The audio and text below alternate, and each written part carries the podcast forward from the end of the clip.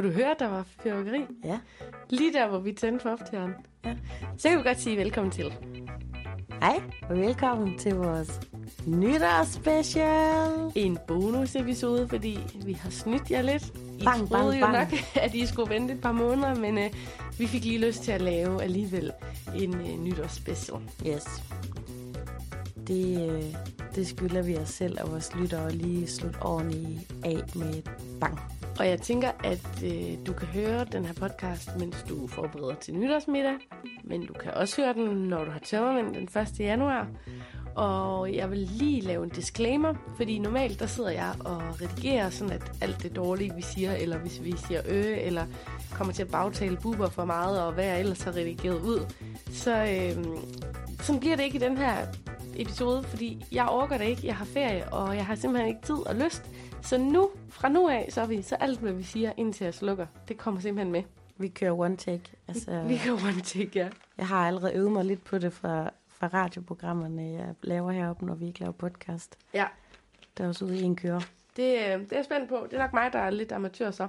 Ja, det er du ikke. Ej, ikke amatør, men jeg kan rigtig godt lide at redigere, så det lyder godt. Men nu får I os på slap line, og vi har glædet os rigtig meget, og bøgerne er fyldt med ting, der skal tales om. Snackposen er fyldt. Vi to øhm, er jo rigtig gode venner, det er ingen hemmelighed. Men vi plejer faktisk også at se en del mere til hinanden, end vi har gjort her den sidste måned. Så det er vidderligt et øhm, siden sidst afsnit. Ja, fordi vi har simpelthen ikke, vi har syge børn, vi har arbejdet meget, der har været juleferie, så det er rigtig lang tid siden, vi har set hinanden. December har været en plain bitch, synes jeg faktisk. Men det kan godt være, at udsendelsen bliver lidt længere, end den plejer også. Og øh, det, du kommer til at høre noget om, det er selvfølgelig året, der gik, både for os selv. Øh, jeg tænker både opture og nedture, men også selvfølgelig for podcasten. Vi vil også kigge lidt frem.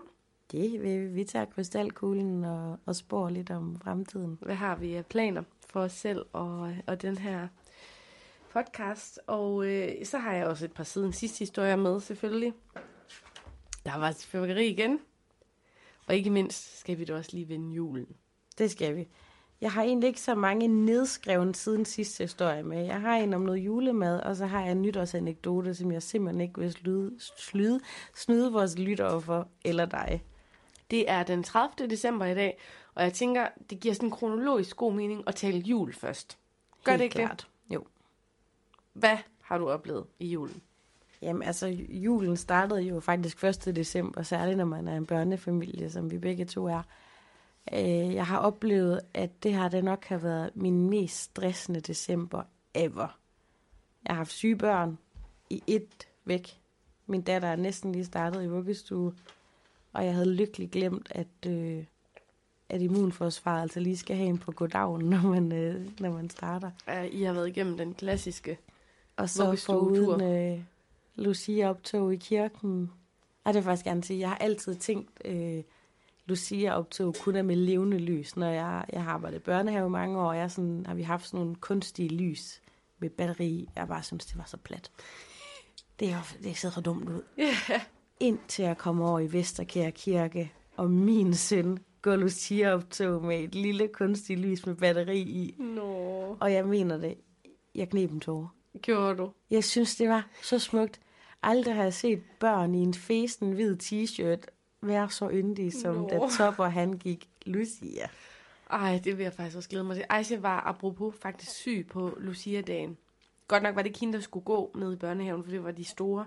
Men øh, jeg var træt af ikke at opleve det. Og det var også på grund af feber. I Vesterkær, der går alle Lucia. Det er virkelig en god børnehave. Også de små. Nå nej, det er kun børnehave, ikke? Eller? De små vuggestuen, de sidder foran på gulvet og kigger. Og så er det øh, alle børnehavebørn. Ah, hvor Det er godt. en lille børnehave. Men det var fandme smukt. Men hvad så? Du har været vært for øh, en juleaften ude i Vestbyen. Jeg har været vært for en juleaften med min svigerfamilie. Der har faktisk været, altså det lyder som jeg er helt pessimistisk. Jeg har haft en hyggelig december, og jeg har også været på det lille juletog og kørt juletog og hygget mig, men jeg synes, det har været hårdt. Og vi skulle have været ved min svigermor holde jul i Jyderup på Sjælland. Jeg havde glædet mig til at bare tage afsted og ikke skulle tænke på andet end at bare sidde i sofaen og knække nødder. Men min svigermor kunne ulykkeligvis ikke få fri for job alligevel. Så vi endte med at være vært for, for juleaften. Og hvordan gik det? det? Det må jeg jo sige, det er sådan noget, jeg står på sidelinjen og beundrer, fordi at skulle koordinere en sovs og brune kartofler og traditioner og juleshow og risalemang og alt det der. How did you do it? Jamen, altså, jeg er jo vant til at stå i køkkenet og lave ret meget mad, faktisk. Så på den måde, så gik det faktisk fint. Min svoger er også rigtig god til at lave mad, og vil gerne øhm, hjælpe, og det gjorde han også. Faktisk så kan jeg sådan, jeg skal lige tage mig selv i og blive lidt bedre til at dele. Fordi han er helt vildt god til at lave mad, min svoger, men jeg kan også rigtig godt lide at bestemme Ja. i køkkenet. Har I haft nogle sådan Gordon Ramsay fights? Øh, vi har ikke haft en rigtig fight, for jeg holder jo meget af ham. Men øh, et par dage efter jul, de boede hos os nogle, nogle dage, der lavede jeg boller i for jeg tænkte, nu skal vi have noget, der ikke er julemad. Det var sådan tredje juledagen, tror jeg. Og der slår han så ned i køkkenet, mens jeg står og laver boller i karry. Og kigger mig over skulderen. Okay. Og jeg kunne mærke sådan nervøs sammentrækninger hele vejen fra øjet til røvhullet, fordi jeg bliver ret presset, når nogen kigger mig over skulderen, når jeg laver mad. Ja. Og så er der øhm, hældt noget mel i, for, som så skulle jævne. Så siger han, åh, hold da op! og jeg bare sådan, og jeg sådan, ikke vil sige noget de her dage, der er gået, men så sagde jeg faktisk, ved du hvad, du stresser mig ud af mit køkken. Ud af min kiosk. Ud af min butik. Men det tog han åbenbart ikke som noget, jeg mente alvorligt, så han, blev, han trak faktisk bare en taburet hen Nej, nej, nej. og satte sig og kiggede på, og jeg, jeg blev helt presset. Og hvis du hører det her, Thomas, altså, det er jo ikke, fordi jeg ikke holder af dig, men øh, jeg, det er også, fordi du er så god til at lave mad, så jeg bliver lidt presset. Præcis. Nej, det kan jeg godt genkende, det der. Øhm, men faktisk en af mine siden sidste historier, jeg har med i dag, det er, at jeg skulle ud og købe en juleand. Jeg har lavet and flere gange før, også sammen med min mor, sådan, men jeg, jeg tror ikke, det er mig, der plejer at købe den. Når vi er i Aarhus, så plejer vi at købe den ude i Fru Møllers Mølleri, hvis det hedder det vist, ude i Odder, sådan en rigtig god butik, ikke? Ja. Men jeg skulle selv købe anden i år. Og jeg får købt en kæmpe stor and. Ja. Og jeg siger til Lars, jeg har købt en meget stor and, men vi bliver jo også mange. Ja. Så siger han, hold da op, den er meget stor. Så siger jeg, ja, men det er jo fordi, den er økologisk, og det er friland. Mm. Frilandsand. Og det er altså bare meget større end sådan noget fabriksfugle. Man siger, jamen, den er meget stor, skat. Jamen, det er den. Og jeg så står og pakker den her store, flotte and ud, jeg ved ikke, hvordan jeg kunne overse det. Men med store, fede bogstaver, der står der bare, frilandsgås. Nej. Jo. Nej, nej, nej, nej, nej. Og faktisk så slog det mig, jeg har aldrig før smagt gås i mit liv. I hvert fald ikke, hvor jeg sådan erindrer det. Det er jo sådan noget, man spiser i Nordsjælland og sådan noget, ikke? Er det? Nej, det er, det er bare noget, jeg har læst i en artikel, at det er Okay. sådan der procentvis, der bliver flest. Det er simpelthen mest gås. Det er Nordsjælland, okay. Jeg har fået det en eneste gang. Det var Thanksgiving.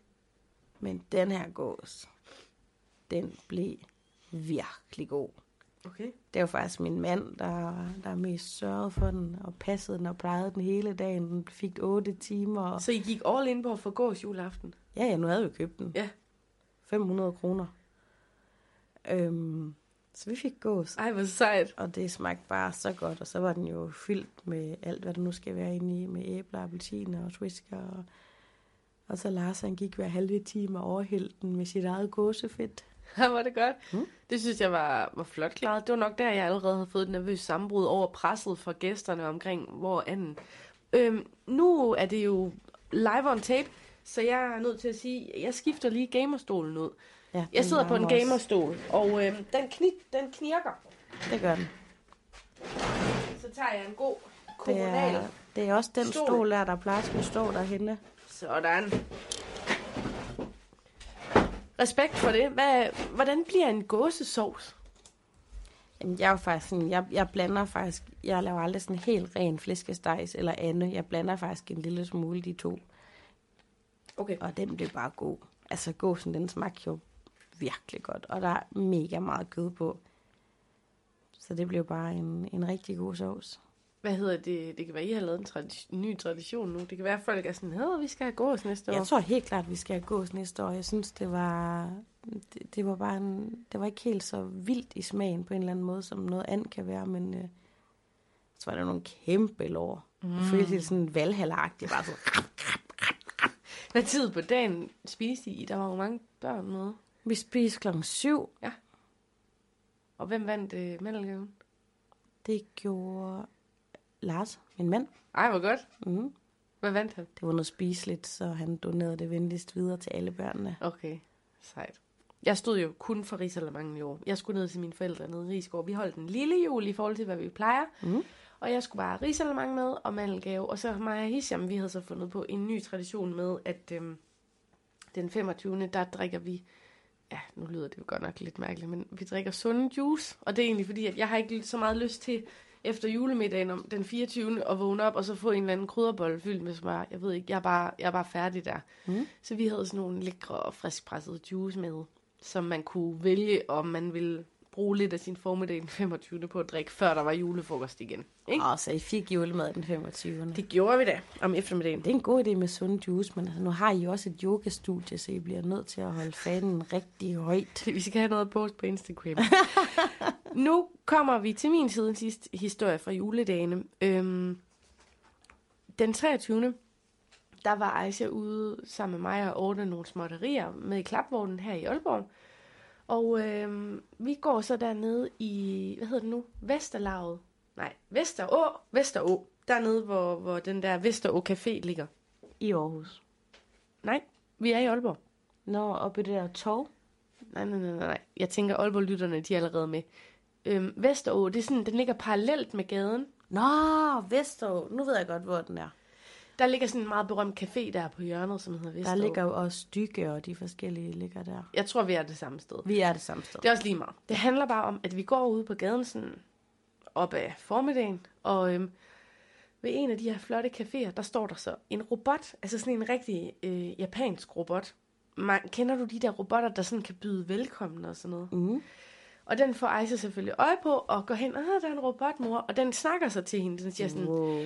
velkommen til, glædelig jul, kom Altså, ind jeg har aldrig set sådan i virkeligheden. Jeg har kun set dem på fjernsyn. Det var lige præcis det samme, der skete for os. Den skulle vi se i virkeligheden.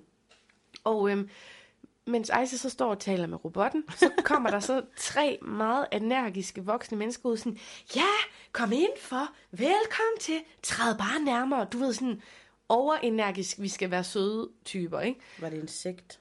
Øhm, nej, det var ikke en sekt, det var bare cafépersonale. Okay. Og det sjove var, at så kom en af de her medarbejdere ud, og så tog hun fat i Aisas hånd og trak hende ind i caféen.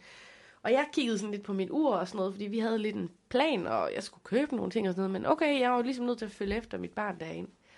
Og inde i den café, der er så sådan helt tomt. Altså, der er ikke nogen cafégæster. Og så er der bare tre mega glade øh, medarbejdere, og så kører der julemusik.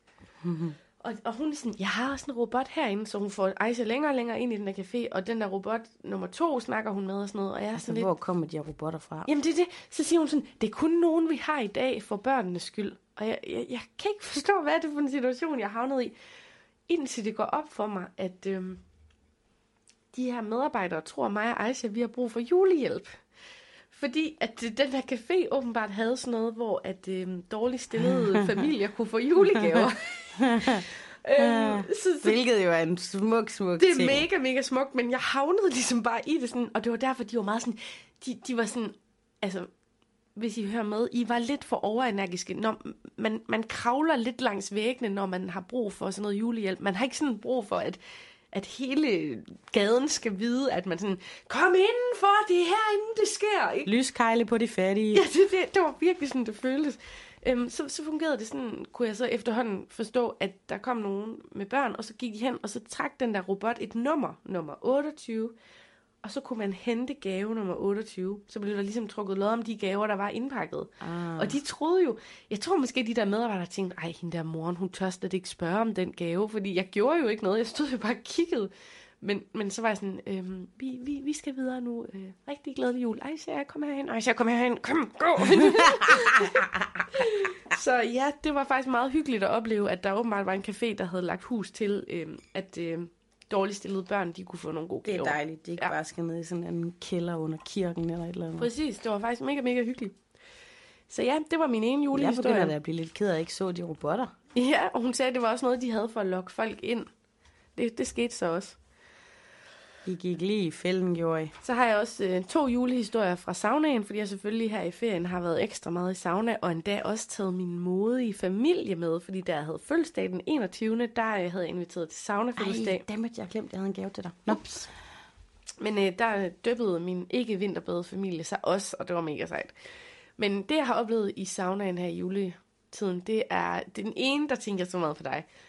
Der var to unge piger, jeg tænker, lige startet på studiet, sådan noget 21-22 år, ikke?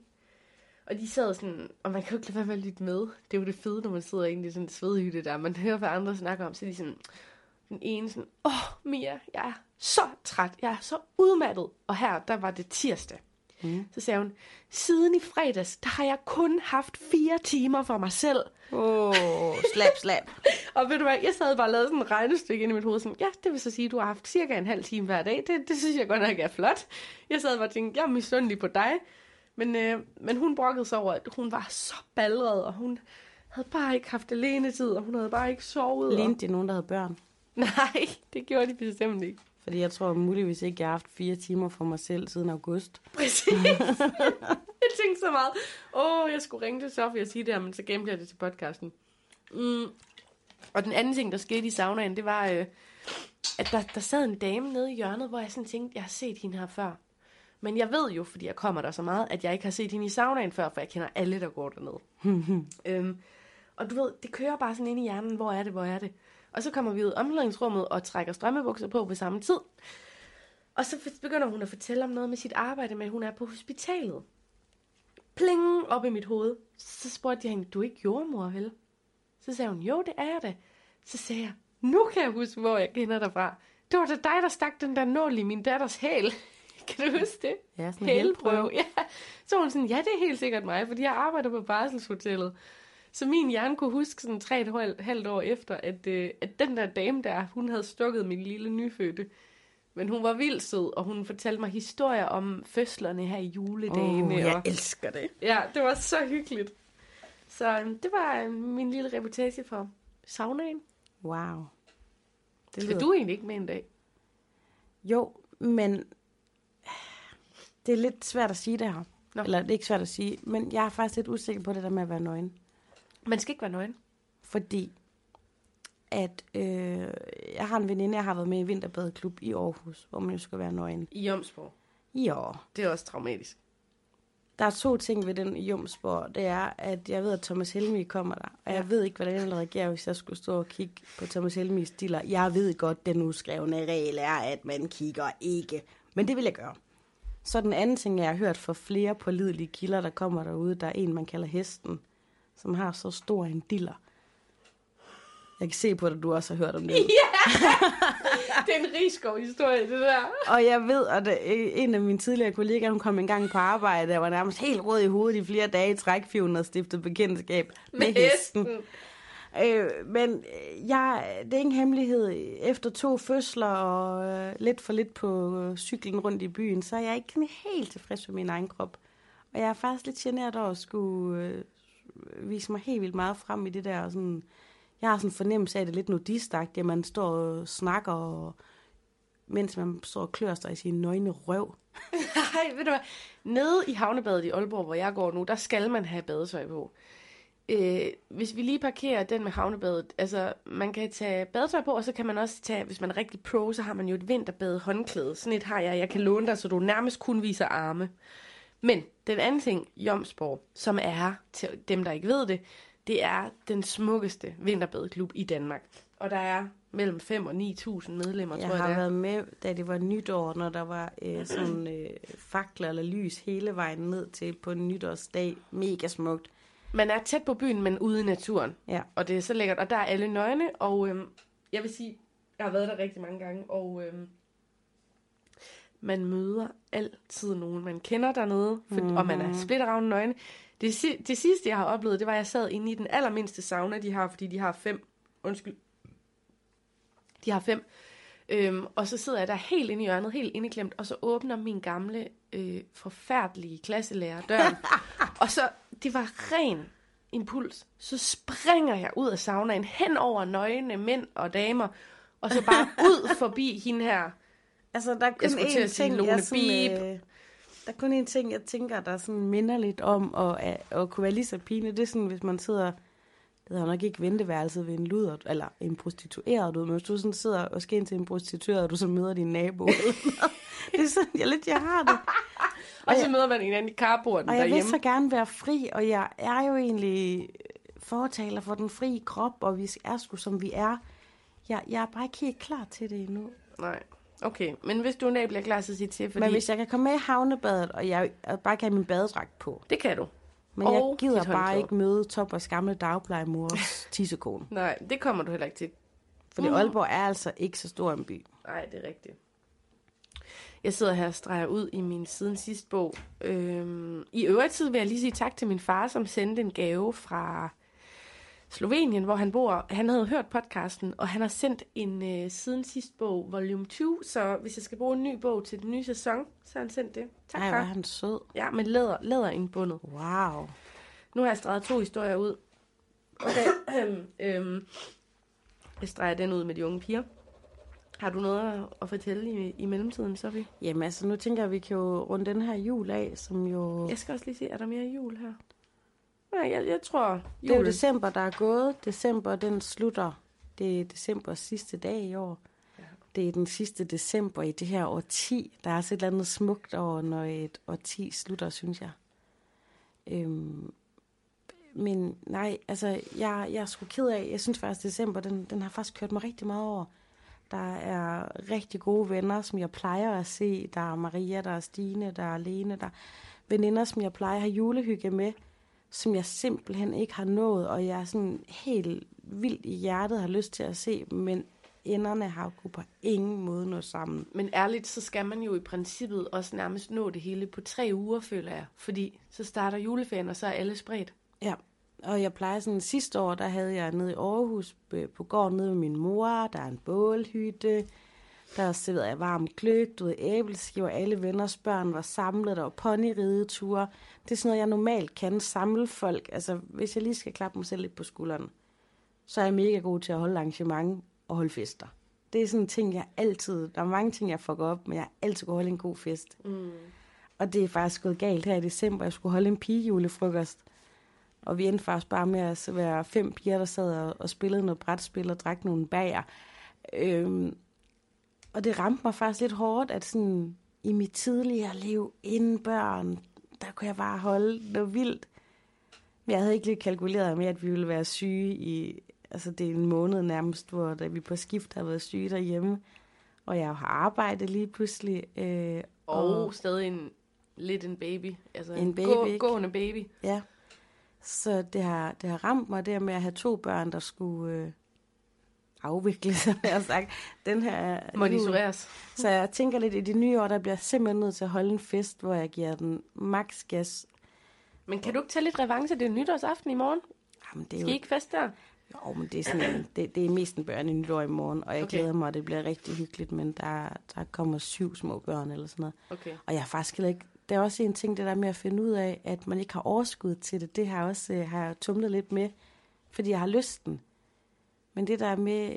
Altså, jeg snakker meget om de her berømte ender, der ikke når sammen, men det der har faktisk fyldt helt vildt meget for mig, at, øh, at jeg ikke har kunnet være alt det, jeg gerne vil. Mm. Og det kan godt ramme en så hårdt, at man kan ligge lidt søvnløs om natten, og, eller en, det har ramt mig i hvert fald.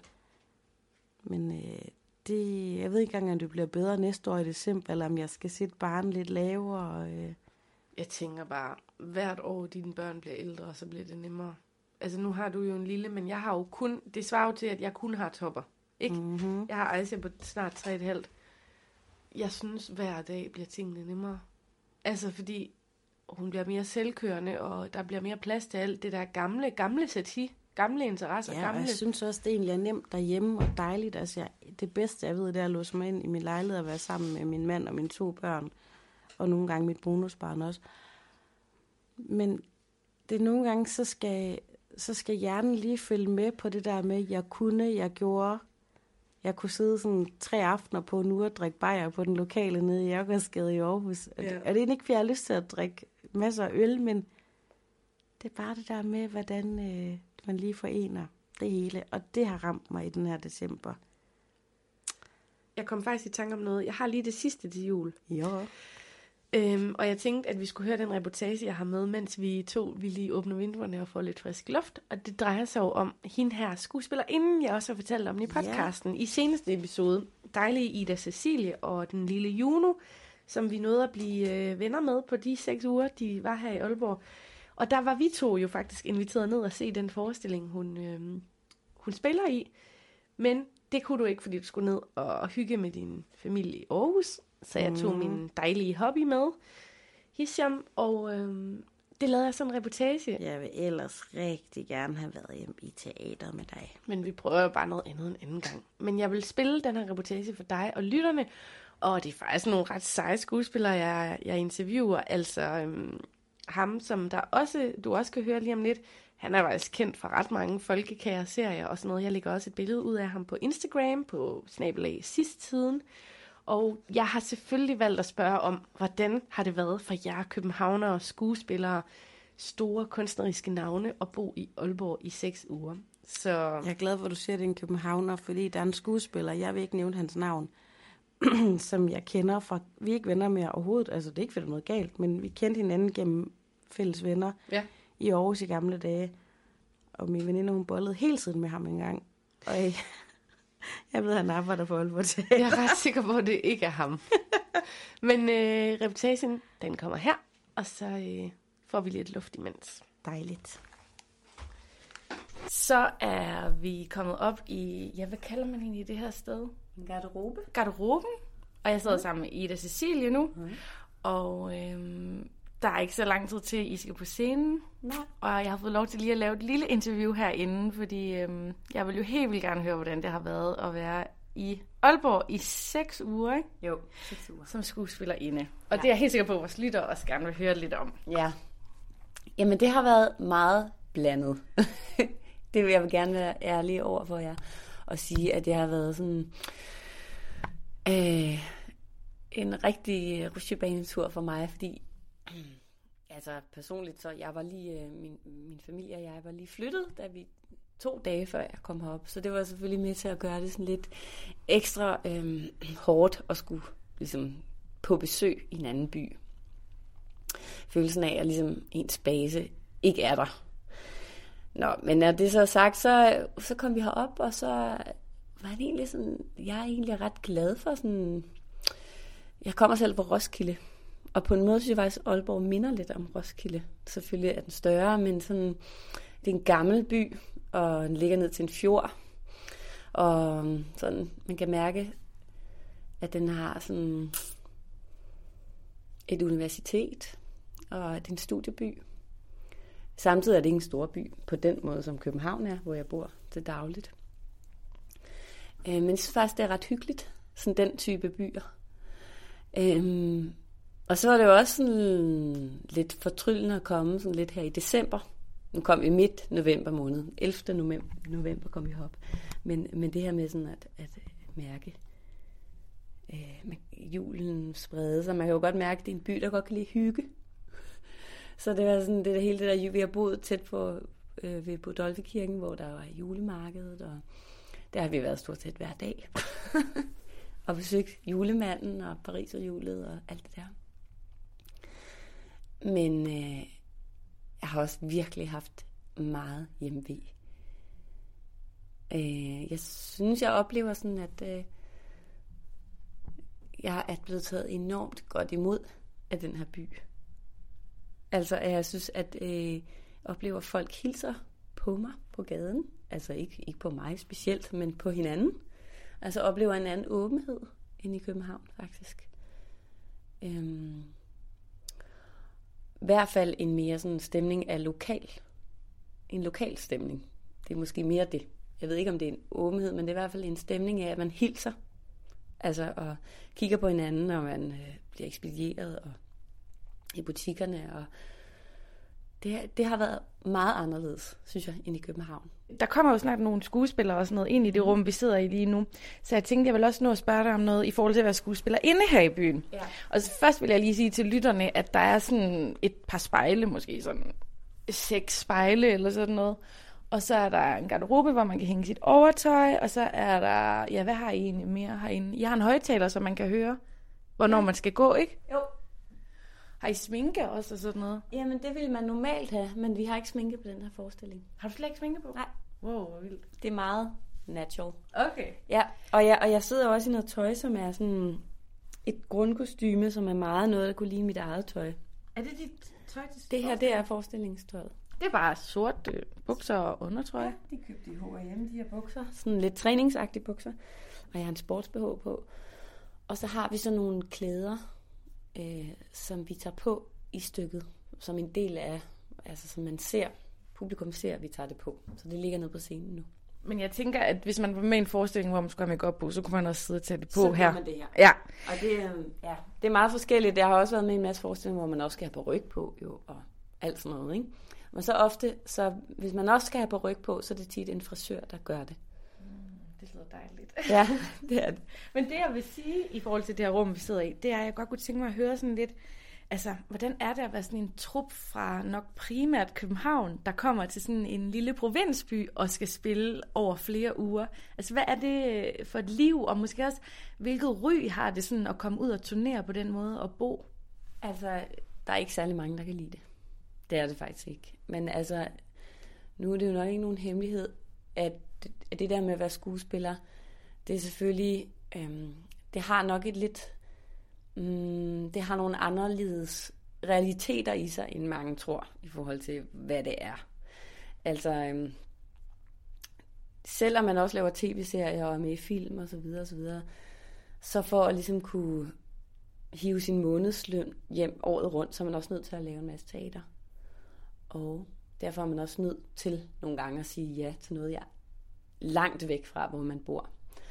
Øhm, og den her forestilling er jo egentlig produceret i København, så vi har også spillet den masse i København. Men så en, en led af den her ansættelse var, at vi så skulle herop i seks uger.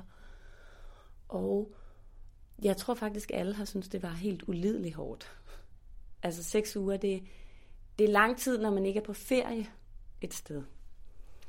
Øhm, selvom at øh, vi, har, man får en, vi har fået tildelt en lejlighed af Aalborg Teater, og alt har været i orden osv., så, videre, så har det været øh, nogle lange dage væk fra ens hverdag, hvor vi så kommer ind her klokken øh, 6.30, og så snakker vi med hinanden og har det sjovt, og kan dele vores øh, fælles ensomhed heroppe. Men, men øh, i løbet af dagen, der, der handler det lidt om bare for dagen til at gå. Så går folk til et eller andet. I svømmehallen, eller til yoga, eller og prøver sådan at holde sig selv ved lige, ved lige på en eller anden måde. Men jeg tror faktisk, de, jeg har også snakket med mine ældre mandlige kollegaer, som har været i branchen i 20 år mere end mig. Og selv for dem er det faktisk kommet bag på dem, hvor ensomt det har været. Og hvor, hvor, hvor egentlig hvor dårlige vi hver især har været til at være væk fra vores hverdag. Så det der med at være sådan omvendt, så vil jeg sige, at øh, vi har det jo vildt hyggeligt, når vi er sammen her. Hej Michael, nu kommer min mandlige kollega. It's Du må the gerne interview situation. Ja. Okay, men hvad, øhm, nu har vi jo mødt hinanden gennem vores børn. Ja. Hvad har det så egentlig betydet for din familie at have sådan seks uger i en anden by? ja, det, det. Jamen, det har været... Øh, altså, øh, for mit barn tror jeg, det har været ret luksusagtigt. Hun er tre år, lige blevet tre, og hun, hun har jo været sammen med mig hver dag. Og det er jo for rigtig mange små børn en luksussituation. Øh, så hun har bare nyt det. Hun har også... Altså, nu har hun leget med din datter nogle gange, og vi har også mødt nogle andre børn sådan på vi har, vi har besøgt biblioteket rigtig, rigtig, rigtig, rigtig meget. Altså, stort set hver anden dag, ikke? Tak. Nu kommer der en lille Det er ikke for kage. mig, det er fra søsterne Grene, de har skrevet en hilsen til os alle sammen, og så er, der, så er de bare kage, er det ikke sødt? Jo, altså butikken eller nogle søstre her på. Altså, det er alle dem med grenene her. Nå, Det er, det er pigerne, det er kor. det er fra Nå. koret. Oh. Dem kalder vi søstrene af Grene. Nå, det er Fordi der. de har grene i forestillingen. hvor og de sjovt. søstre. Søgrene, det er noget bedre. Hvor er de søde. Ja, de er. Så Kære søde Ida, Katarina, Karo- Caroline, Jesper, Michael og Belle. Tusind tak for en helt fantastisk tid sammen. Kærlighed til søstrene Grene. Sådan er det. ej, hvor er de søde. Det er de nordjyske piger, ikke? Jo. De har været helt fantastiske at arbejde med. De har været så søde og så åbne og så lærerne og dygtige, og det har virkelig været, altså virkelig dejligt, og de har været meget nemmere at arbejde med, end hvad jeg har oplevet af unge øh, sådan, i København. Yeah, det kan vi lide Ja, i den jyske podcast. ej, virkelig, øh, virkelig. Måske øhm, det sidste, jeg gerne vil have dig til, det er bare lige at fortælle om forestillingen. Altså, hvordan Nå ja, går det ud på? Og hvad hedder det også? altså forestillingen hedder De asylsøgende kvinder. Den er skrevet for 2.500 år siden. Det handler om øh, en gruppe kvinder, der tager en båd over Middelhavet fra Ægypten til Grækenland. Øh, fordi de er øh, de, de skal indgå øh, tvangsægteskaber med deres fædre, og det vil de ikke. De vil have ret til selv at vælge, øh, bestemme over deres mødom, som de siger. Så de flygter i en øh, båd øh, med deres far, Daenerys, øh, som er sådan en slags øh, praktisk gris for dem. Øh, ikke? og han, øh, han, øh, de flygter så, og så kommer de i land øh, på Græken, øh, ved kysten, på, ved, i en, en by, der hedder Argos, som stadig ligger der i dag, som er nede på Peloponnes. Og der møder de kongen, som sidder her ved siden af mig. Det er spillet af Michael Birkær, og han, han, han er så kongen i den her bystat, og, og han møder dem på stranden, og de søger ly ind i templet, øh, øh, fordi der er man jo altid i fred. Og så, øh, og så skal han tage stilling til, om han skal tage dem ind eller ej.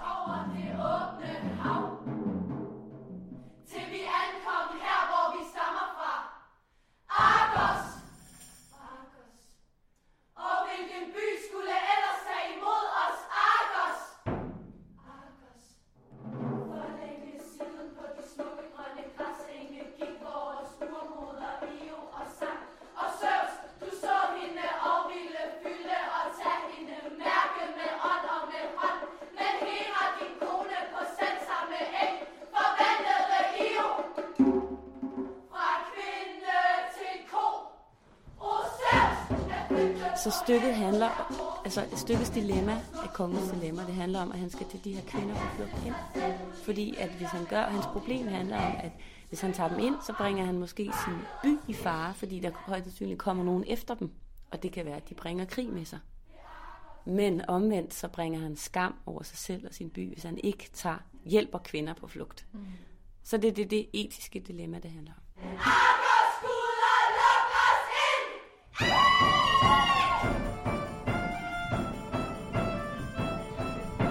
Altså, jeg har jo en Aalborg-baseret podcast, hvor vi er egentlig eksilorsianere, der bor her. Så den ha- pod- ja, podcasten handler egentlig også ret meget om, hvordan det er at bo her. Og vi lider, vi lider nogle gange af det, vi kalder Aalborg Blues. Så i din beskrivelse af Aalborg, og hvordan det har været at være skuespiller her, så må du godt være ærlig, hvis der har været nogle ups and downs. Så jeg kunne godt tænke mig at høre, Ja. sådan seks uger her på Aalborg Teater.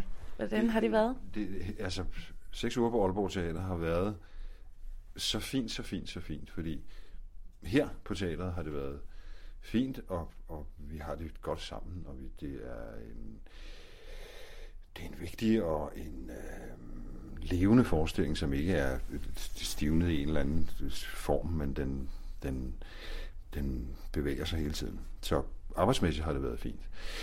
Men derudover er det jo, øh, har jeg fundet ud af, øh, sværere for mig, end jeg havde troet. Altså, fordi øh, når man ser det sådan, ja, ja okay, sådan, ja, der er lige noget prøvetid, og så er der, altså, vi spiller en måned, og sådan, og det er jo, det er jo okay, tænker man, når man ser det.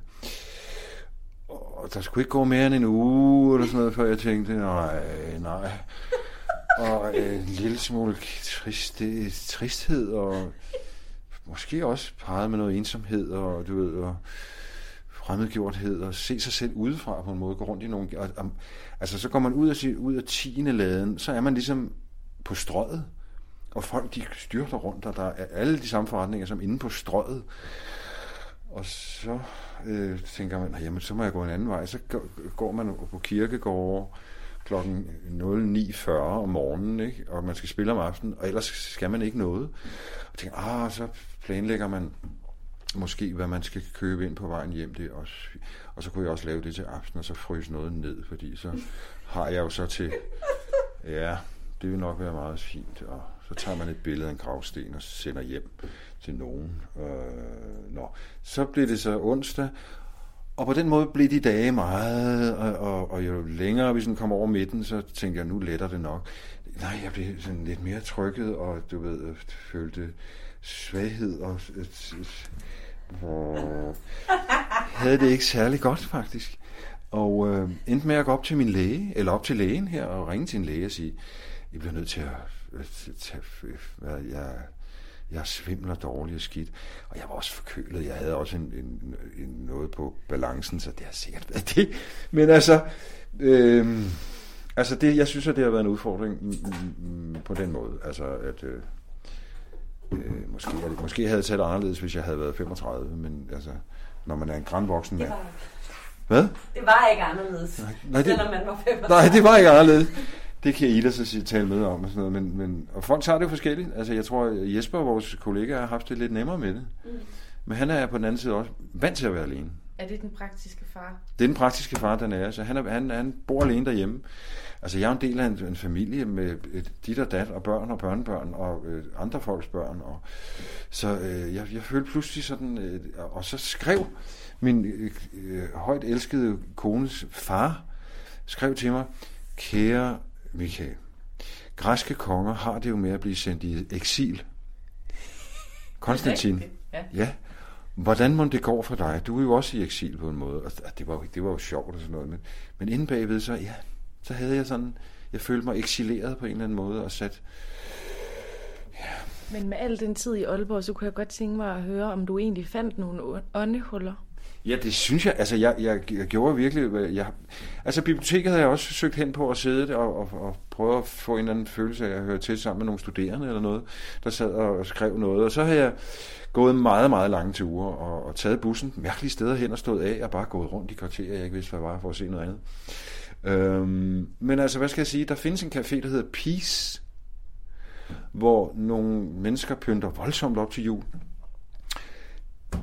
Der fandt jeg ud af, at man, mm, der, de var søde, og så, fik, så lavede jeg det sådan en tradition at gå derned i nogle formiddag, få en hjemmelavet øh, ting med en lille stykke ost på og en kop te, og så sad jeg der, og, mm, og så kom jeg flere gange, og så tænkte jeg, her, her det, det er sgu meget hyggeligt. Og så endte det med, at jeg har fået to små, altså to øh, bøtter med marmelade af indehaveren med hjem.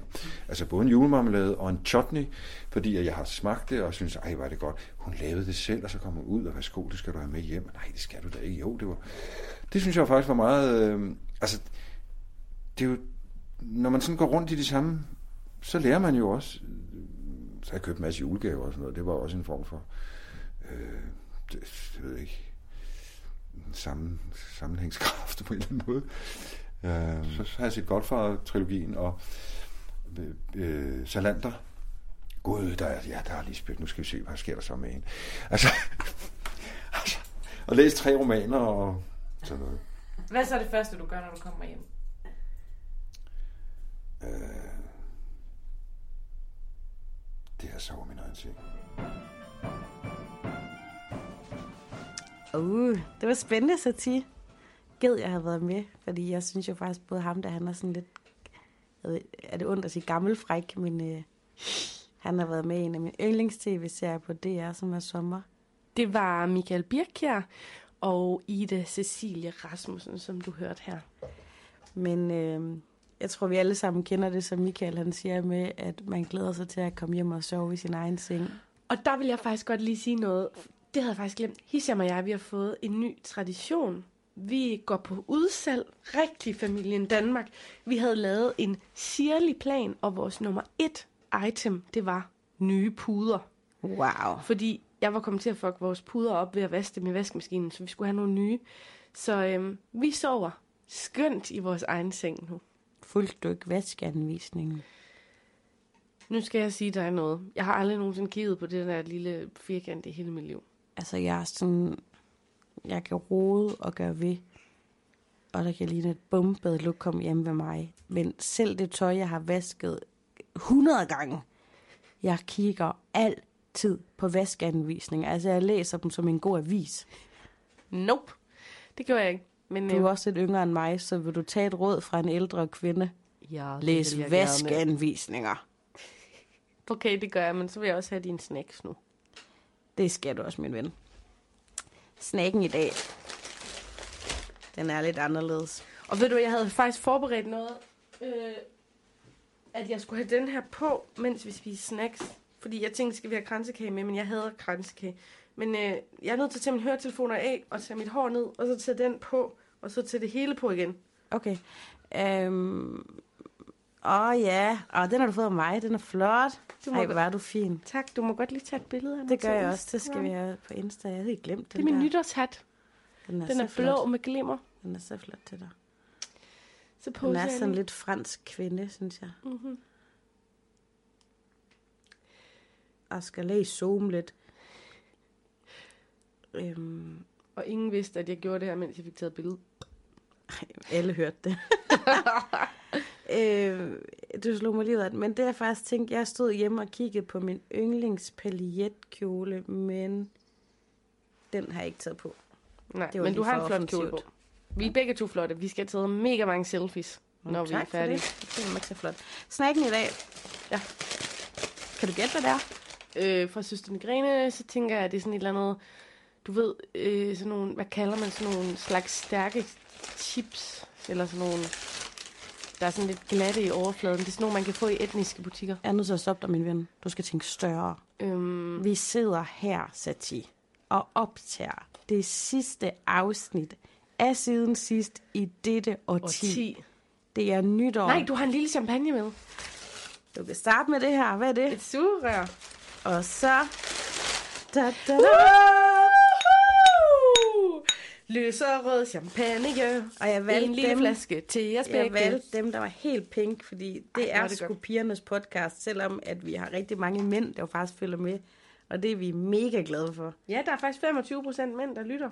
Så vi må jo ramme noget i jer mænd. Jeg hørte fra en på mit arbejde, der lytter til det, at det er fordi mænd gerne vil vide, hvad kvindehørm er. Og det får de i sandhed her i siden sidst. Værsgo.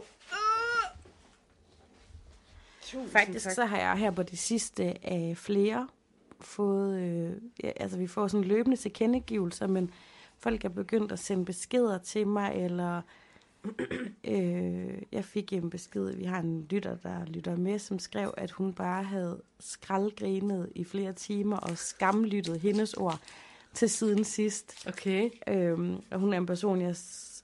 øh, Hun er faktisk en, en, en nyere veninde, hvis man kan sige det sådan. Hun er i hvert fald ved at blive det. Ja. Øh, jeg holder rigtig meget af, og hun er sådan en, jeg synes er sød. Og når hun har lyttet med og synes, det var rigtig godt, så fik jeg sådan en optur, at øh, hun lyttede med. Jeg tror godt, hun ved, hvem hun er derude. Så. Nej, nej. Det var en han. Fuck! Uh, det er sådan, det skal sprøjte. Der er simpelthen champagne over hele gulvet nu. Ja, det er mig, der går Undskyld. rent heroppe i studiet, så det, det skal jeg nok fikse. Satir, er de ikke yndige, de her små nogen? Pas på, Uh, Milo putter i. skulle også en han. Man skal ikke putte de der sugerør i.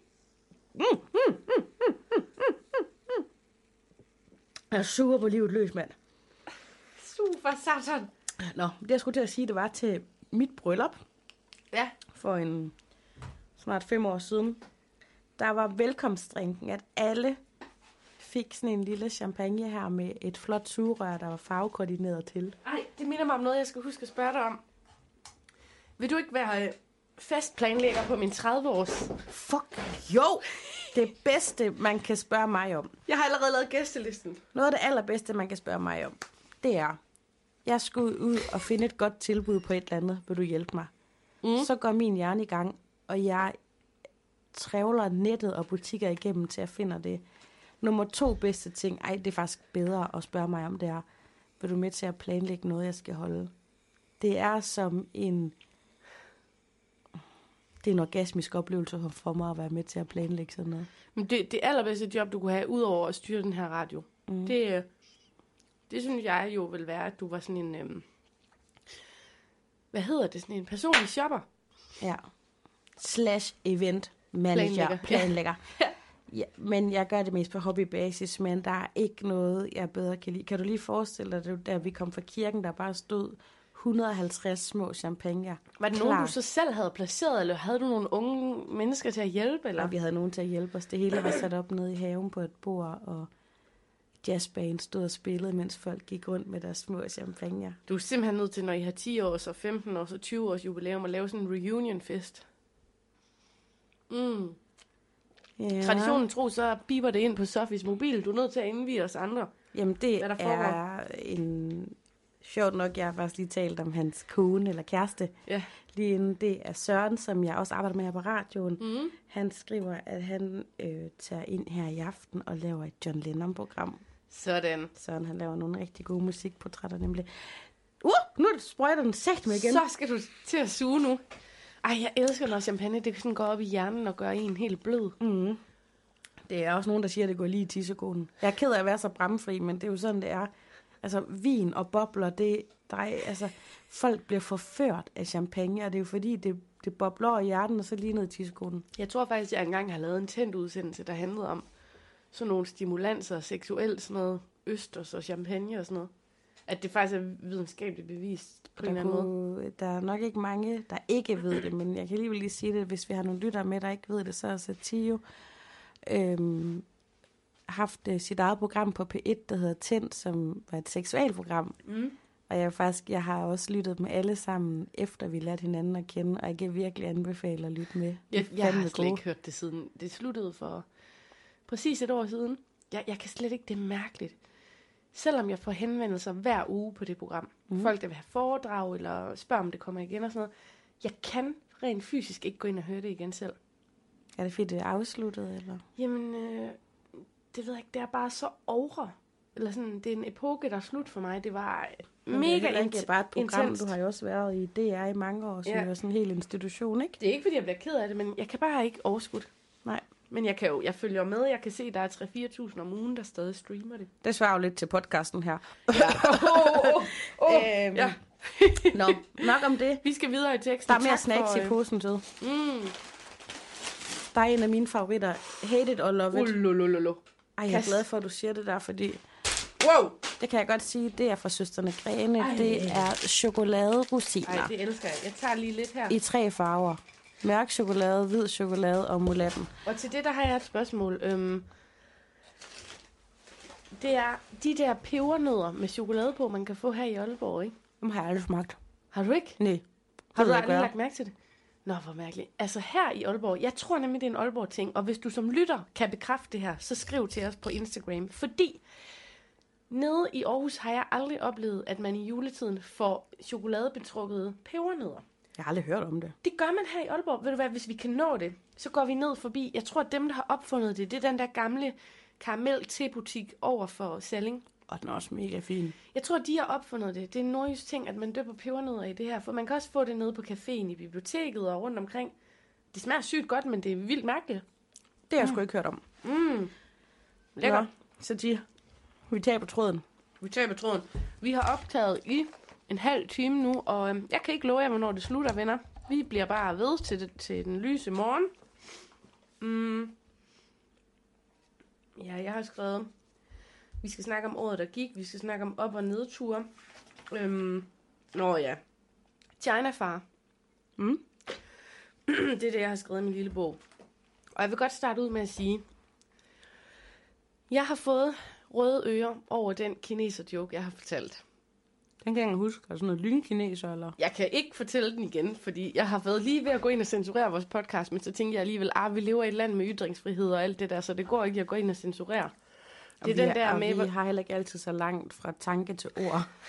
Der er en af episoderne, der starter med en kineser-joke, og øhm, jeg har fået skæld ud. Af hvem? Det kan jeg ikke øh, udtale mig om, men jeg har fået skæld ud, og jeg har tænkt rigtig, rigtig meget over det, og jeg kan godt se, hvis den kan misforstås og være direkte racistisk. Du angrer. Jeg angrer, og øhm, jeg har tænkt på, at mit modsvar mod mig selv, det kunne være, at jeg ville øh, finde nogle udenlandske venner, for eksempel svensker eller nordmænd, og så spørge, hvad for nogle danskervidigheder fortæller I? Der har vi jo et oplagt bud, synes jeg, en ven af programmet Helga fra Mandal.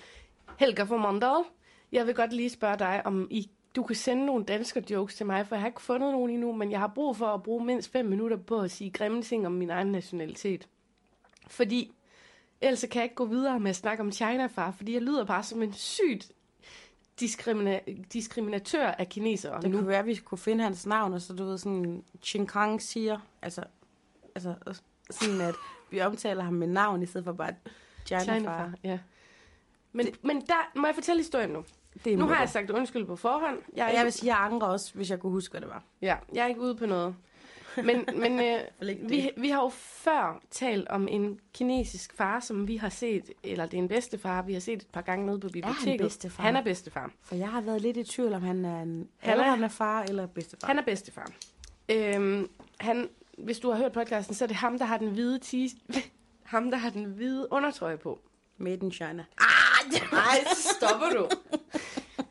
Ej, du har carte blanche, fordi du... Øh, Jeg er jo brun. det er det. Så må man sige alt. Og den, der kritiserede mig, sagde, og du sidder og siger det, mens der er en brun i lokalet. Så var sådan, er det også? Skal jeg også tage hensyn til det? Nå, nu føler jeg, at du lader mig padle lidt. Undskyld, det fortjener jeg også. Come on. Godt. China-far. Ham mødte jeg igen nede på biblioteket. Jeg har aldrig talt med ham før, og han taler kun kinesisk med de to børn, han passer. Han er bedstefar, der, der passer to små børn, det er jeg ret sikker på. Øhm, det, der så sker dernede på biblioteket, at den mindste, som er halvandet år cirka, han får den der jerndør i hovedet. Den der jerndør ind til der, hvor man sidder og tegner mm. i børneområdet. Mm. Og han skriger, og han græder, og der er snot, og jeg får lyst til at kramme ham. Og det eneste, China-far gør, det er bare at sidde og proppe øh, appelsiner ind i kæften på ham. Nej. Så han ærer ham ikke, han krammer ham ikke, han fyrer bare mad ind i hans mund, og han, han, Han, han var faktisk dreng, ved at omdanne ham til sådan en lille foie gras. Jamen, prøv. Øh, Den der dreng, der, han får bare en større og større bule i panden, og man har bare lyst til at give ham sådan lidt moderlig Åh. omsorg. Men jeg tror, der er et eller andet kulturelt der med, det er skamfuldt at græde, eller jeg ved ikke helt, men han fik i hvert fald ikke noget kram eller kys eller noget. Åh, nej. Og det er jo, hvad det er. Men på grund af den episode, så satte jeg mig lige derhen, fordi jeg ville fortælle China-far, at jeg havde set, hvad der var sket, men han taler ikke dansk på nogen måde. Og det vidste jeg ikke.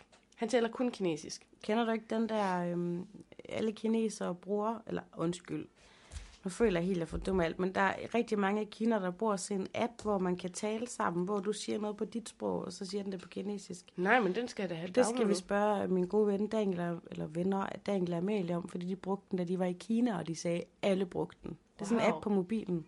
Nej, den kender jeg ikke, men den vil jeg gerne have. Men det, jeg ligesom bare fik slået fast, det var, der er ikke noget øh, sprogligt, ligesom, øh, vi, vi taler ikke samme sprog. Det kommer I til. Det kommer vi til lige inden længe. Men så gik der kun to dage. Så så jeg ham to gange på en dag. Og ved du, hvad han lavede? Nej. Det er noget, jeg aldrig har set ham gøre før. Han løb rundt i alt sit vintertøj. Altså vintersko, vinterbukser, kæmpe stor vinterjakke. Og så løb han med en plastikpose i hånden. Mm. Sådan en dagligbrusen pose eller sådan noget. Og to gange på to forskellige tidspunkter på dagen, der så jeg ham løbe rundt med den pose. Bare sådan motionere. Det har jo givet mig alle mulige tanker op i mit hoved. Jeg har tænkt over ting som, er han under jorden, for eksempel? Lever han under jorden, eller Har har han, han aldrig, flygtet fra har han kommunist? aldrig haft en drage som barn? Hvad mener du? Så løber han rundt med den der pose og får den til at blaffe efter sig. Nå, ja, det kunne også være det. Men, men jeg vil bare lige fodre din, eller vores fælles hjerne med, at China-far, han ligesom enten motionerer, eller løber væk fra noget, eller også er han kurér. Jeg har også tænkt, om han er kurér, han har noget nede i posen. Og ja, det kan også være, at han bare er sådan en daglig avis, som endnu ikke har råd til cykelvognen. Ja, jeg ved det ikke. Altså, jeg så ham i Salling for nylig, og jeg plejer faktisk altid at se ham på Biblo, så jeg var sådan helt, wow, er du også heroppe i Salling i børneafdelingen? Præcis. Men jeg, jeg, jeg har godt nok troet, at han var far til de børn der. Det, jeg tror, at jeg er rimelig sikker på, at, dem, at man jo i Kina også har nogle andre kulturelle værdier omkring børnepasning. Så jeg tror, det mest sandsynlige, det er det min journalisthjerne fortæller mig, det er, at hans børn for eksempel har en Kina-restaurant, for eksempel den, der er på Boulevarden. Hvorfor griner du nu? Det er fordi, det er både en blanding af din journalisthjerne og dit eventyrgen, der allerede har lavet en hel historie for Kina-fars liv. Børnene, de har en restaurant, og så passer han de helt små børn, i stedet for, at de går i børnehave. Jamen, det, det lyder meget plausibelt. Men børnene, de svarer heller ikke på dansk. Jeg har også prøvet at snakke på dansk til dem. Så jeg har også tænkt på, om de måske er flygtet fra Kina. Ja, man ved det ikke. Det er et stort stykke land på mange måder, så det kunne da godt være. Men øh, vi skal have fat i den der app, og så må vi snakke lidt med ham. Det kan virkelig være, at han går rundt der lidt ensom. Det er på min Er du ensom? nytårs, det er nytårsforsæt. Så kan vi godt snakke om nytårsforsæt. Jeg har kun én historie tilbage i min bog. Så hvis vi snakker nytårsforsæt, så får du den med astrologen, der stemmer på Trump bagefter. Det vil jeg gerne. Jeg har også en lille historie. Ja. Det er ikke sådan en rigtig historie, men der er en, jeg møder og til. Og det er faktisk en af dine veninder. Jeg tror, hun har gået i dit yogastudie også. Anne-Sophie. Mm. Yeah. Og hende møder, hun bor i København nu. Mm-hmm. Men lige sådan nærmest en gang om måneden, eller hver anden måned, så møder jeg hende. Nå. Og jeg kender hende faktisk ikke særlig godt, ud over det, jeg sådan lige har, har øh, når jeg har mødt hende med dig. Men hver gang jeg møder hende, så får jeg sådan en helt crazy følelse indeni af glæde. Ej, hvor sødt. Jeg ved ikke hvorfor, men jeg, jeg kan altid mærke, at hun bliver helt vildt glad, når hun ser mig. Jeg bliver mega glad, når jeg ser hende. Og det er kun lige sådan 5-10 minutter. Men vi går begge derfra med sådan en lidt øh, mm, følelse. Og så mødte jeg hende faktisk her forleden dag, lige efter jul. Og hun var fedt op af jul. Hun har haft en god jul med sin familie, men hun havde det sådan lidt... Familie, det, det er sådan et... Jeg vil ikke sige et nødvendigt onde, fordi, men vi fik bare sådan en god snak om det der med, at det er jo ikke venner. Det er sådan noget, man elsker dem, fordi at man er sat i samme familie, men ja. Hun var træt og havde brug for at komme tilbage til København. Og så stod vi lige og sludrede lidt og var connected bare så godt, og så aftalte vi, at næste gang hun var i Aalborg, så skulle jeg aflevere børnene, og så skulle vi ud på et brun værtshus og drikke en øl. Ej, hvor hyggeligt. Ja. Jeg tænker, at øh, dem, der lytter med, måske gerne vil se, hvem det er. Og jeg så, hun annoncerede på sin Instagram i går, at hun vil begynde at tale engelsk. Øhm, der. Hun har det fedeste Instagram-navn. Det kommer her. Snabelag livet som ildkugle. Ja. Er det ikke nice? Og hun har lige fået en ny telefon, så hun kan steppe sit Instagram-game endnu mere op, ved jeg. Og hun er big time feminist. Ja, ja, hun er meget sej og fuldstændig lige ud af posen, du ved. Så, men jeg får bare sådan en glædesfølelse hver gang. Men faktisk, da vi mødte hinanden her forleden, der grinede vi også. Vi grinede vildt meget, bare sådan lige på 10 minutter. Vi, vi skraldgrinede og alt muligt. Det var mega fedt. Men du er på den samme vibe, som jeg har med Anne-Sophie. Altså, hun kom jo i mine øh, kvindecirkler og yoga-ting og sådan noget. Og så lige pludselig finder vi ud af, at vi er på fuldstændig samme bølgelængde. Altså, hun er, nogle gange lægger jeg ting op på Instagram, hvor hun er den eneste ud af 1600, der forstår pointen. Ja. Og jeg er egentlig ikke sådan en feminist som anne Sofie, og det er heller ikke noget, jeg dyrker, men jeg dyrker hende, fordi mm. jeg kan virkelig godt lide hende. Og det er ikke noget, der er dybere, det er ikke noget, der... Jeg vil egentlig bare sige, at nogle gange så møder man også de her mennesker, som man lige tager ind, og det behøver ikke være, åh, lad os se, så tage i sommerhus sammen. Hun giver bare mig et eller andet, og jeg føler, at jeg gør det samme ved hende, fordi at jeg kan se, at hun er helt glad, når vi ses. Og så vil jeg lige sige til podcast Søren, at øh, den episode, hvor der er en lille hund, der spiser mig og Aishas burger, Ja. der sad Anne-Sophie også med og var med der. Det er rigtigt. Det var der, I mødte hinanden, tror jeg. Ah, der havde vi vist set hinanden lidt før, men det er rigtigt. Men øh, Ja. ja. må, jeg, må jeg også komme med på det? ja, for fanden da. Fordi, Selvfølgelig skal du det. tak for det. Vi skal ud og hygge os og grine alle tre. Jamen, det vil jeg glæde mig Og til. sende sådan en triangelsenergi rundt. Skål for Anne-Sophie. Skål. Kan vi klinke? Så er det lange arm. Hvilket jeg jo ikke har. Skål, min ven. Åh, oh, det er dejligt. Bund eller resten i håret. Er der egentlig nogensinde nogen, der har fået det i håret, da de ikke bundet? Det tror jeg da. Ude i Østervrå. Nå, Sati, inden det stikker helt af for os. Du nævnte noget om nytårsforsæt. Ja. Har du et nytårsforsæt? Jeg har to. Det dybe er, at jeg gerne vil undgå at skændes så meget med min mand. Og se lidt på vores konflikter. Det er knap så dybe, men som er den tradition, jeg har for nytårsforsæt, som er, at det skal være noget nemt at leve op til. Jeg har for eksempel haft et år, hvor jeg øh, havde et nytårsforsæt, der hed Brug mere læbestift. Det sgu meget godt. Så har jeg et nytårsforsæt i 2020, der hedder Lær, lær at sætte mit polske hestehår bedre. Jeg har altid hængehår eller knold, og jeg vil lære det.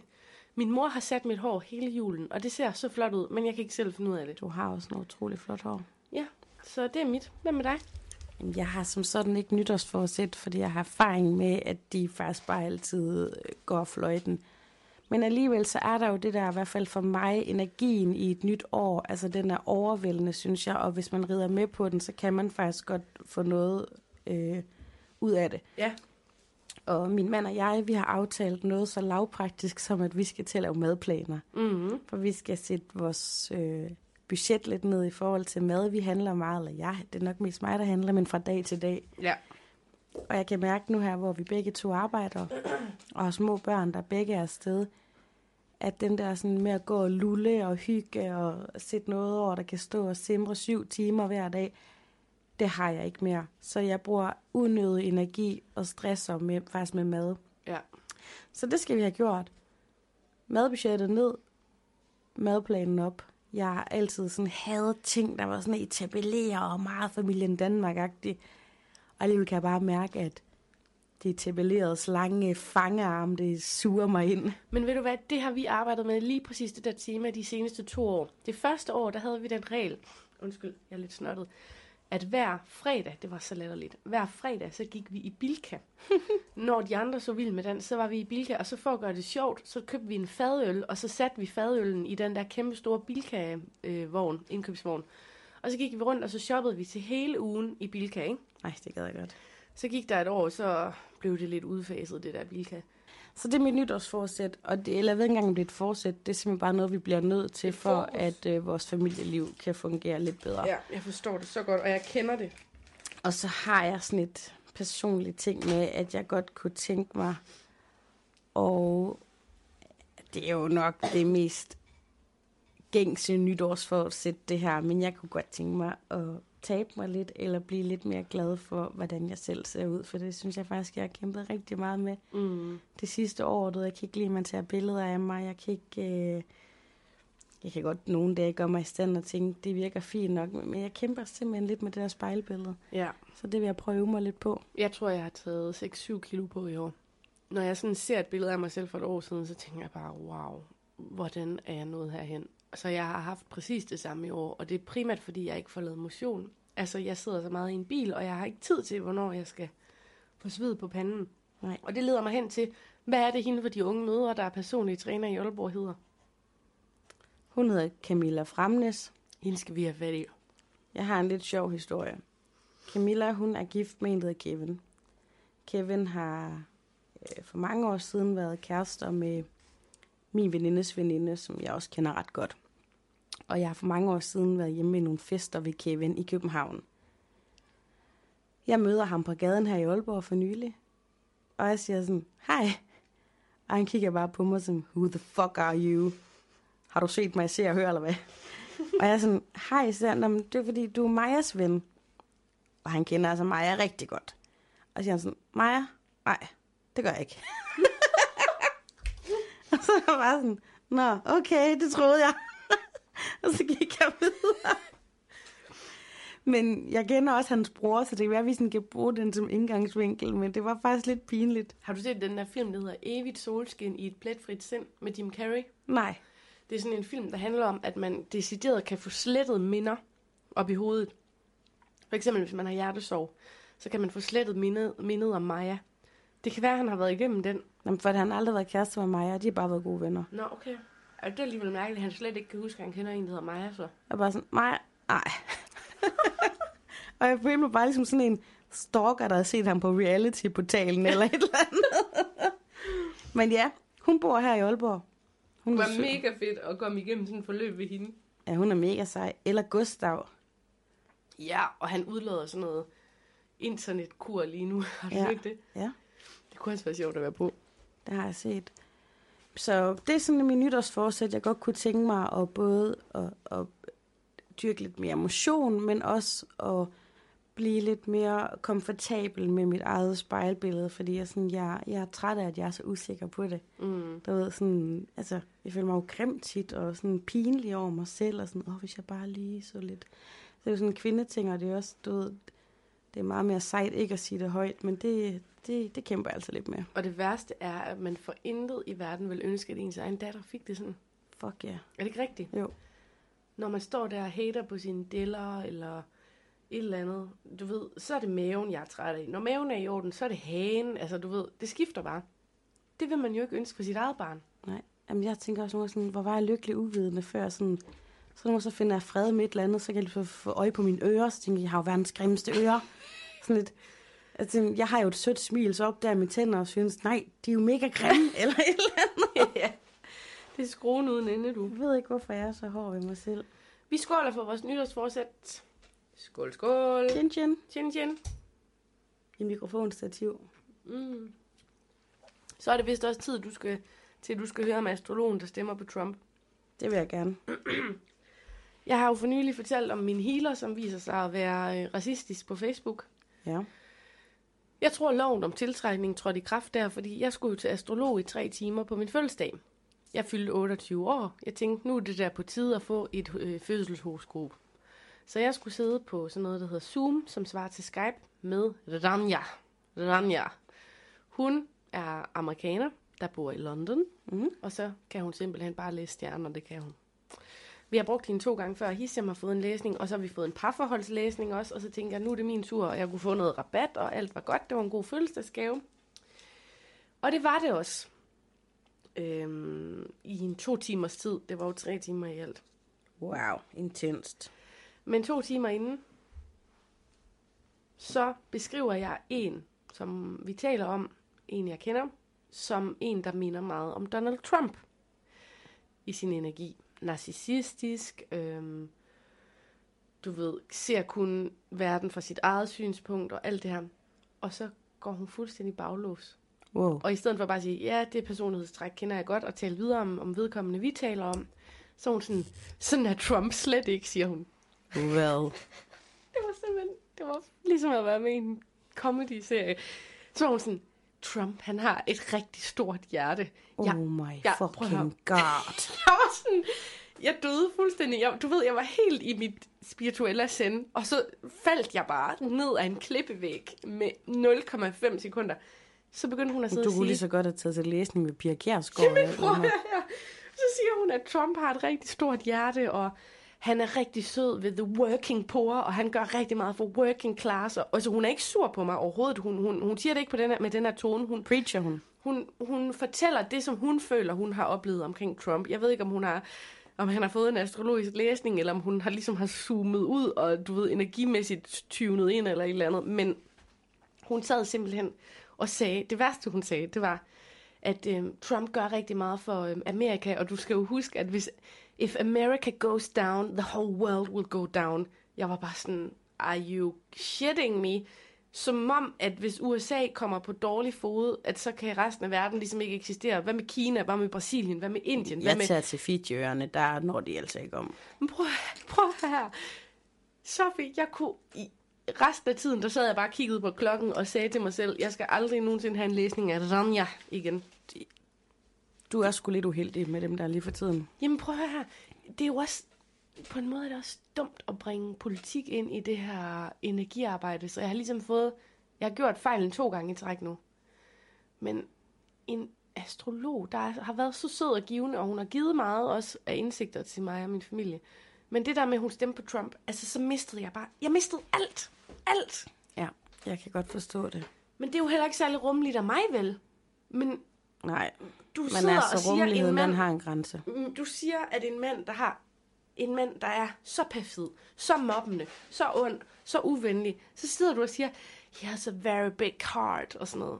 What? Jamen, jeg synes egentlig også, det var meget storsindet af ham, det der med, at han skiller børn og forældre med, med noget hegnsværk. Great, great man. For helvede.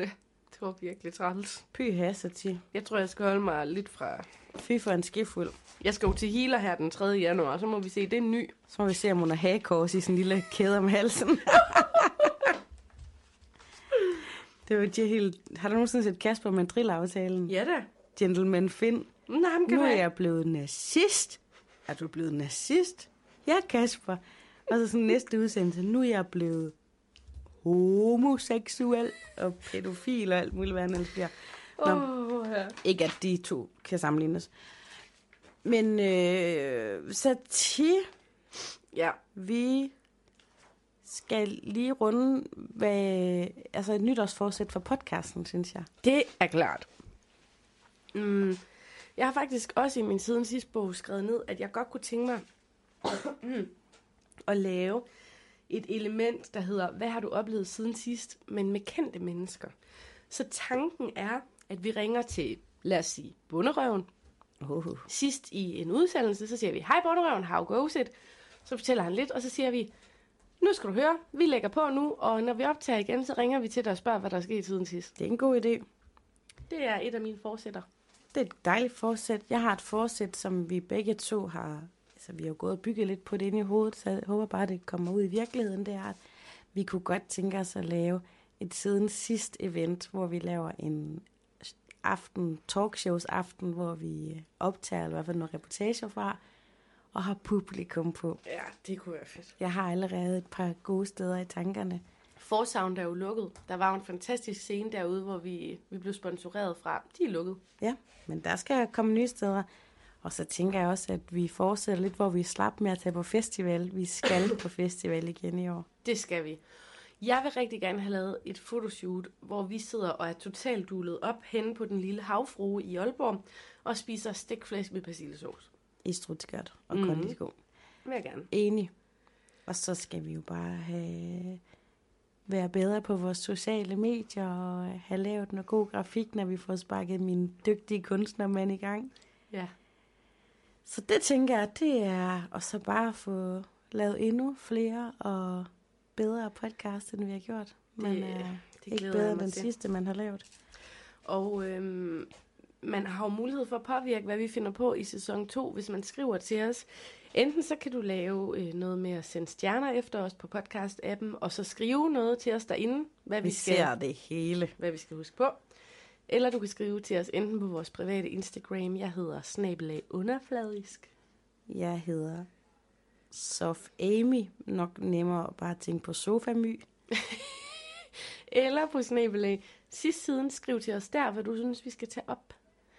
Øhm, ja, nå jo, Pandoras æske gad jeg også godt, hvor vi laver sådan en æske, hvis vi ikke har så mange si- siden sidste historie. Så trækker vi en seddel, og så dernede i den der æske, så står der alle mulige ting. For eksempel sådan noget, hvornår fik du dit første kys, eller hvad er du bange for, eller et eller andet. Så kan vi snakke ud fra det. Helt klart. Og så er det jo ikke øh, nogen hemmelighed, at Satir og jeg, vi synes jo selv, vi har styr på rigtig mange ting. Så sidder du med et eller andet derude og tumler med og tænker, jeg har brug for, at disse to kvinder vender det her for mig. Skriv endelig, det er trygt og anonymt. Vi behøver ikke sige, hvem det er, men vi skal nok hjælpe dig, min ven. Sådan et lille panel, vi kan lave. Ja, men vi har jo også en lytter, en god ven af mig i Aarhus, Victoria, som faktisk skriver rigtig mange sjove ting til mig i, øh, i min indbakke. Dem tror jeg, vi skal have nogen af med i det nye år. Sidste for podcasten, det er, at du og jeg, vi skal på podcastfestival. Ja, Så du må faktisk meget gerne slå kryds i din kalender. Øhm, jeg tror, det er i marts eller sådan noget. Så skal vi bare et par dage til København og høre podcast. nu er Og... min bibs også ved at være så store, at det kan jeg godt. Det vil jeg glæde mig til. I lige måde. Var det det? Vi er klar til 2020 nu. Tju, tju, mand. Mm. Hvad så? Er I klar på noget fester og farver og noget lige, mand? Mm. Ja, så bare øh, vores... Jeg tænker, jeg arbejder på den her radio, og jeg har så mange planer for det nye år, hvor godt og stort det skal blive, og du knokler videre på TV2. Mm-hmm. Gå ind og find øhm, Folkets Radio. Der kan man tit se Sofie. Du har haft en julekalender i den her Ja. måned, hvor du har været på hver dag på Facebook. Og jeg kan så kvittere med, hvis man vil finde Sati, udover på hendes private Instagram, så er Sati redaktør for Vens, som er TV2 Østjyllands ungdomssatsning. Jeg er uden for målgruppe, men jeg er så godt underholdt. Og det var alt fra Ananas i egen juice, og siden sidst podcast bonusepisode, godt nytårsepisode. Det har været dejligt at være på løs, slap line. Altså, vi kommer ikke til at redigere noget af det, vi har sagt, så hvis vi lyder som idioter, så er det fordi, vi er Det gør vi idioter. ikke. Det kan godt være, at jeg kæmper lidt med spejlbilledet, men jeg ved satan af med det her, det er god podcast, du. Øhm, en times godt selskab blev det til. Tak fordi I lytter med. Det har været et fantastisk år for os, hvor vi har fået manifesteret vores store drøm om at udkomme på lyd. Ja. Godt Skål! nytår! Godt nytår! Ind og sæt final countdown med Europe på, og så bare fyr den af, venner. Vi ses i det nye år.